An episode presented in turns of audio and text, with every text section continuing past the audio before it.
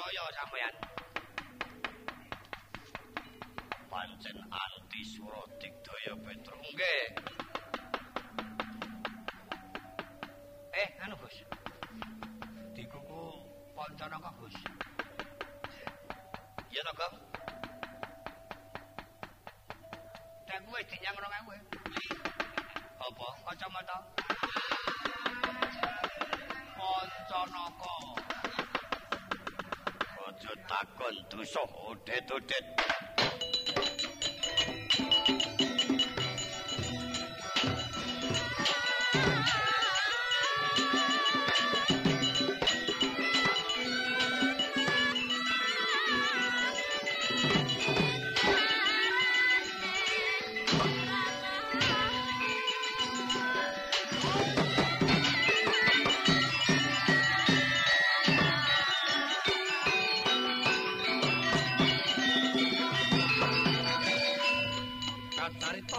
Raden Antisura ingkang ndrebaba ndepani bumi. Jawuta dereng maringaken Den Lumpati Raden Surbasa. Mulya jati kekalih majeng sesarengan. Raden Werkudara Prisa kasudibyaning Senopati kalih mundur gelanggang Songlayu. Tresna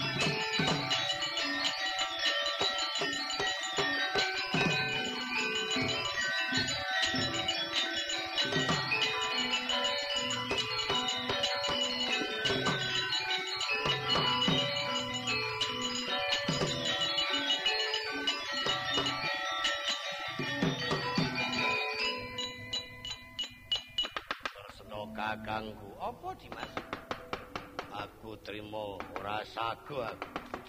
Sebabe apa? Angger mati siji dilumpati sing siji urip meneh. Angger mati dilumpati sing siji urip meneh. Weh lah pancen digdaya temenan Petro nggih. Weruh angger anti sura sing mati dilumpati sing sing sura basah. Urip meneh. Surabaya patene sing anti sura lumpati urip meneh ya to? Ah. Angger anti sura sing mati dilumpati sing sura basah mau. Basah teles. Basah teles ya. Niki kudune iso mati kabeh aja ngene dilumpati apa kalau mati kabeh ya dilumpati kucing urip ngono mbok. Kowe rasa ngene penerangan. Ya mung nang gugu kok.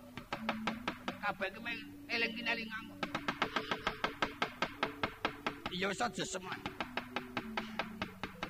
Pun Kakang dhewe kan bakal ngreka daya. Petro, Nun.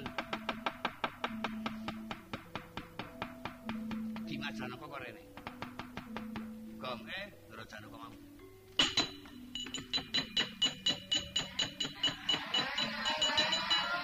Alah kleru.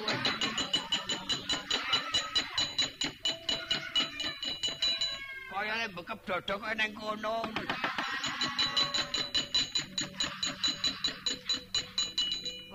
Kok lagi?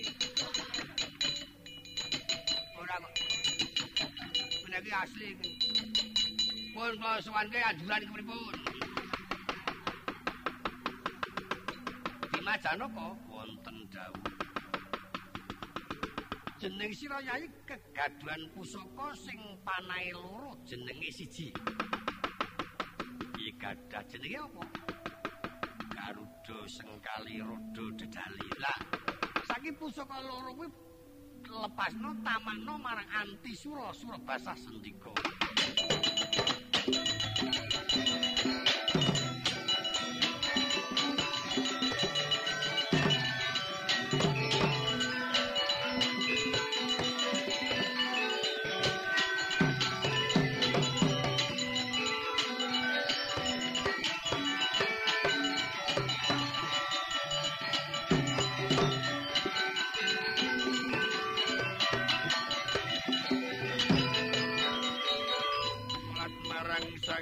Sangar jono Yesmunyo kamanungsan nira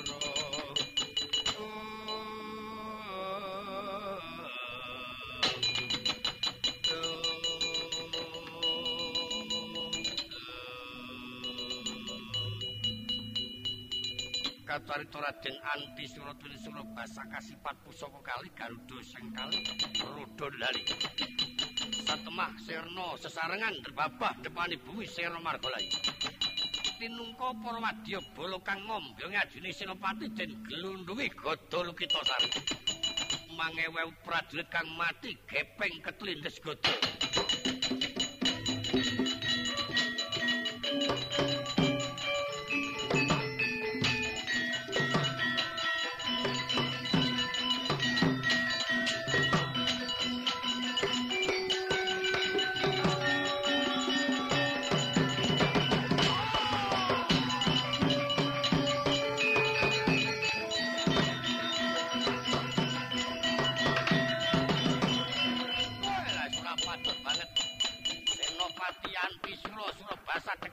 pancen gelak-gelai bumi setan pengawak menungso.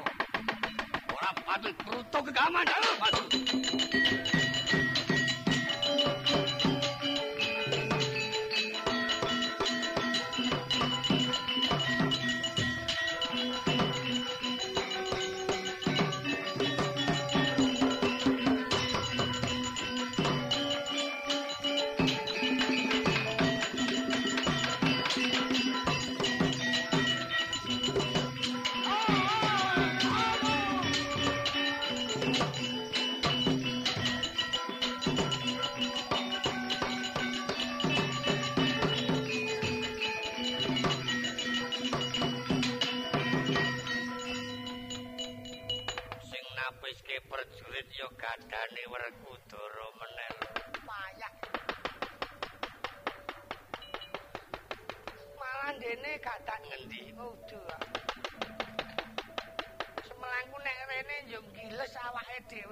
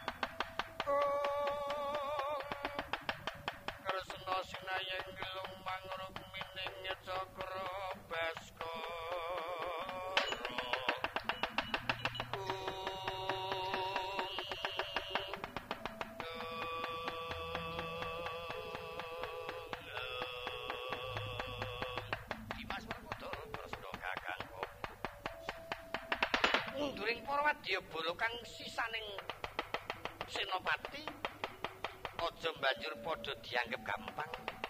Sing ati-ati ya wis pokoke waton kersa kakangku dawuh sawan-sawan panangane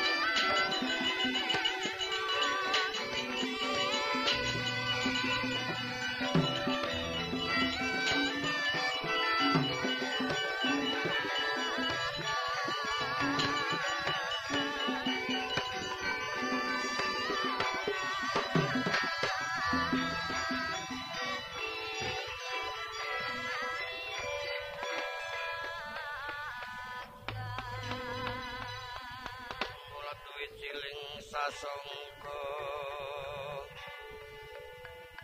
dinten sing kenging puncak enggal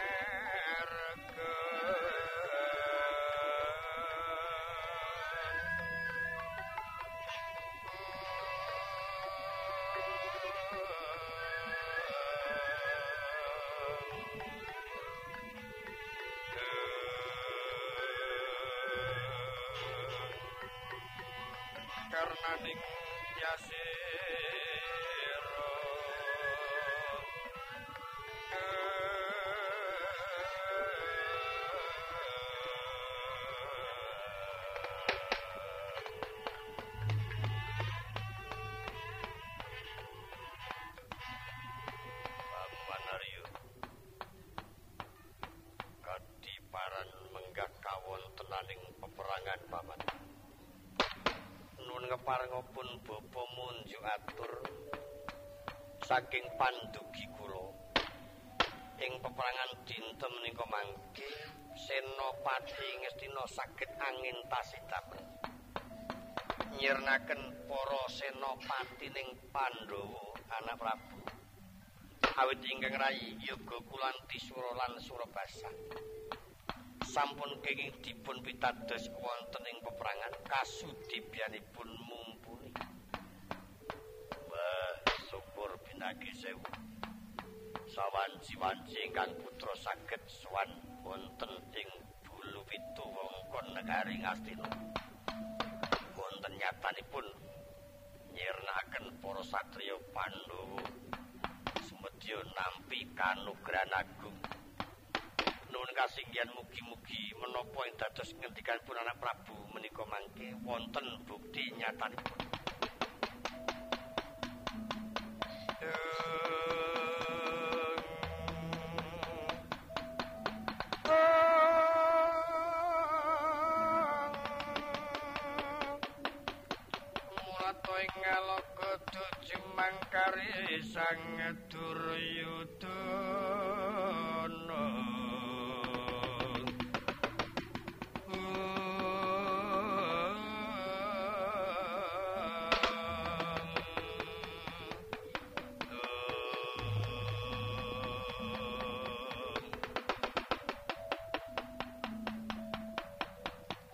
Kacarita Yang Agung ing Ngastina nembe kiwala imbal wacana marang Kang Abdi Rekyana Patis Anenggih pelajar Kang Abdi Kratagop ngaturaken sirnaning Sinopati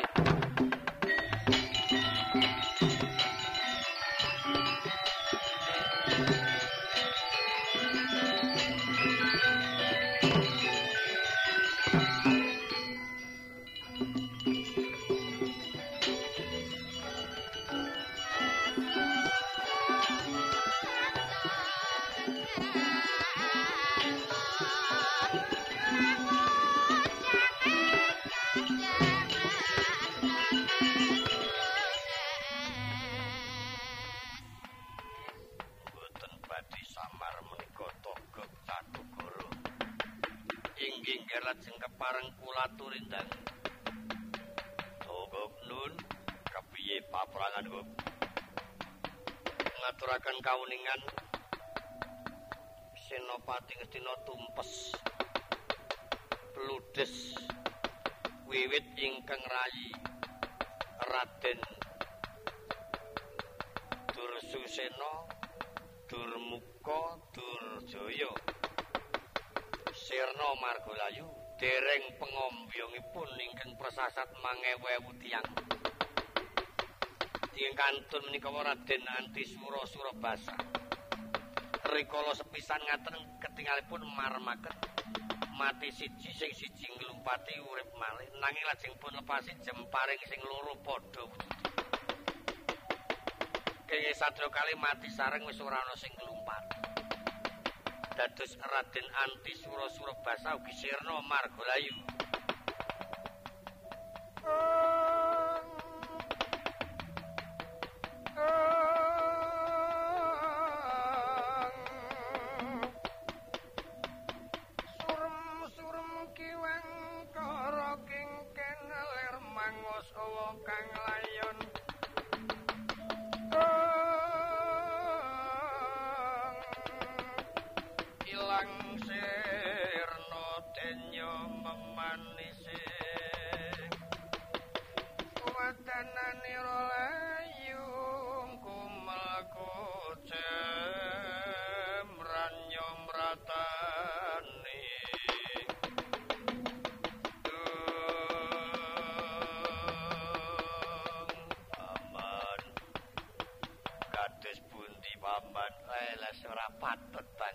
jepiping ke Karno.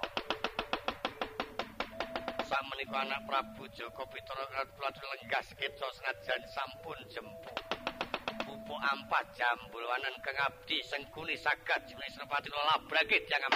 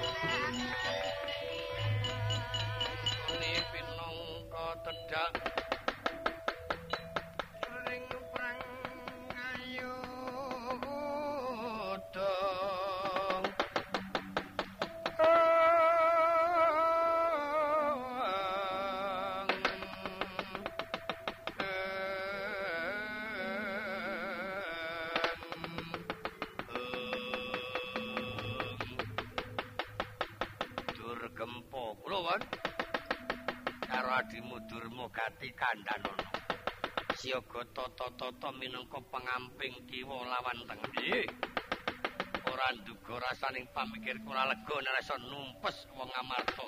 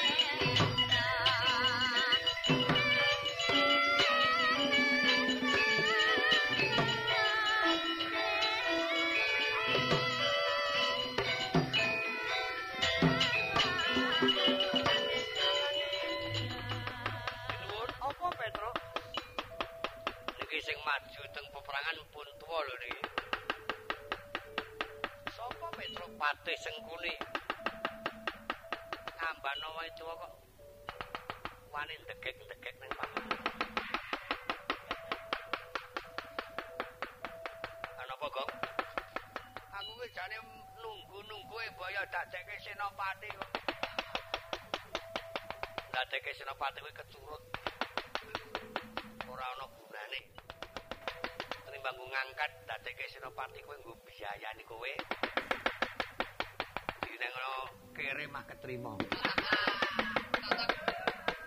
Pancen apik kowe karo wedan penem.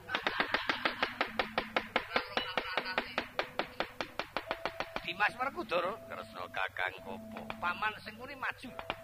sing ati-ati sojo semrang tak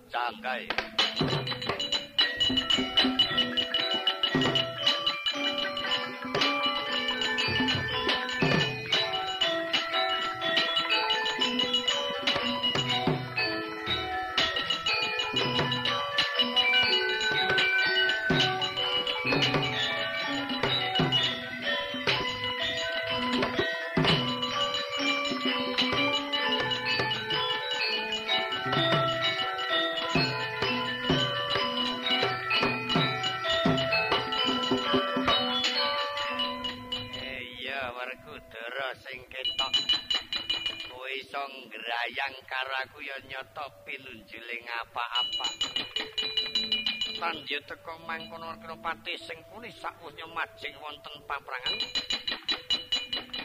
Agemira kethu deniringaken. Batan wonten dedamel ingkang tuwama sapa nyaketi pati sing kuni kaya kena pangaribawa kantaka saengga mlajar Raden Bedoro.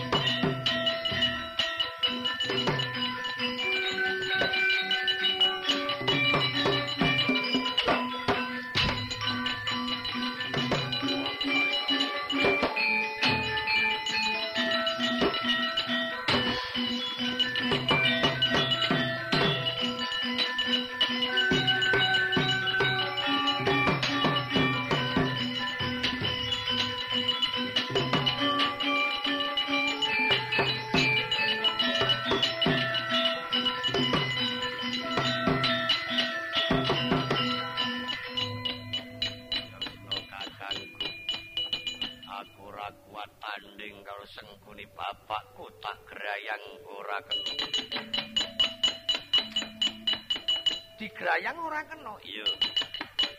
Mung angger ngumpuli sirayaku nibu. Janaka dun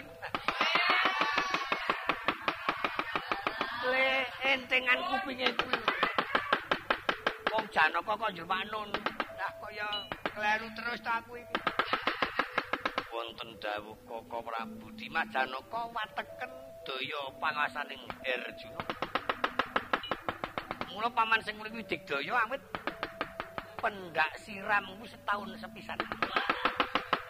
Ana diangkale nek. Oh iki dateng. Wis enggak maju ya sedekah.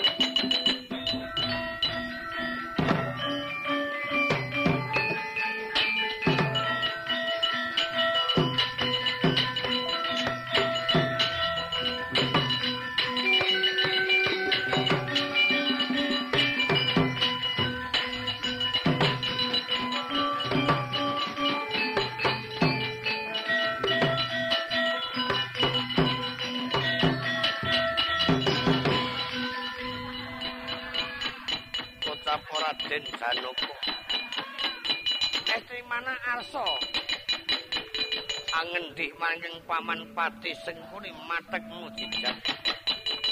Mulat ing gegono mendung ketinggal angendanu. Tanpa sangkan udan barat nempuh marang pati sengkuni.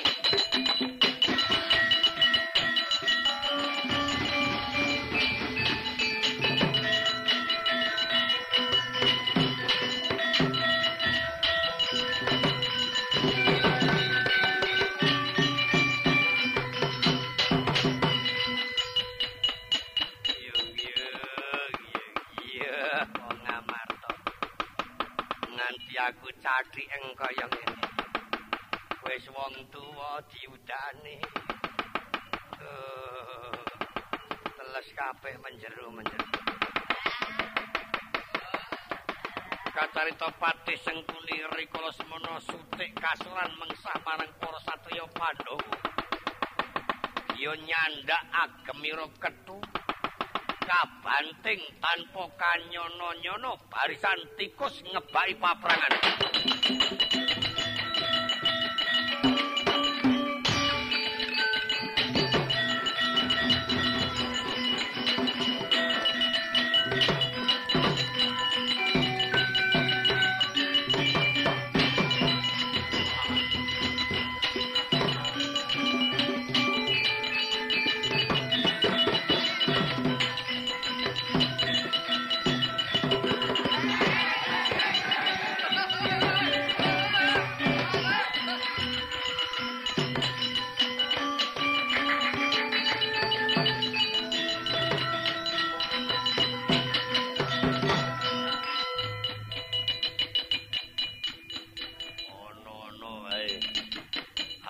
Sagu kresna kakangku sebabe? Tikus tanpa wilangan. Lah wong senopati gagah-gagah bagus-bagus. Kok kalahe karo tikus? Iki ngopo? Tikus sing nginceng wae. Lah wong tikus kok senengane kok arep mangan tikus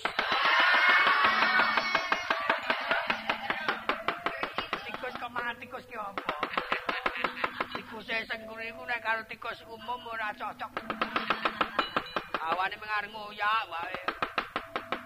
Tak penyet malah kleru.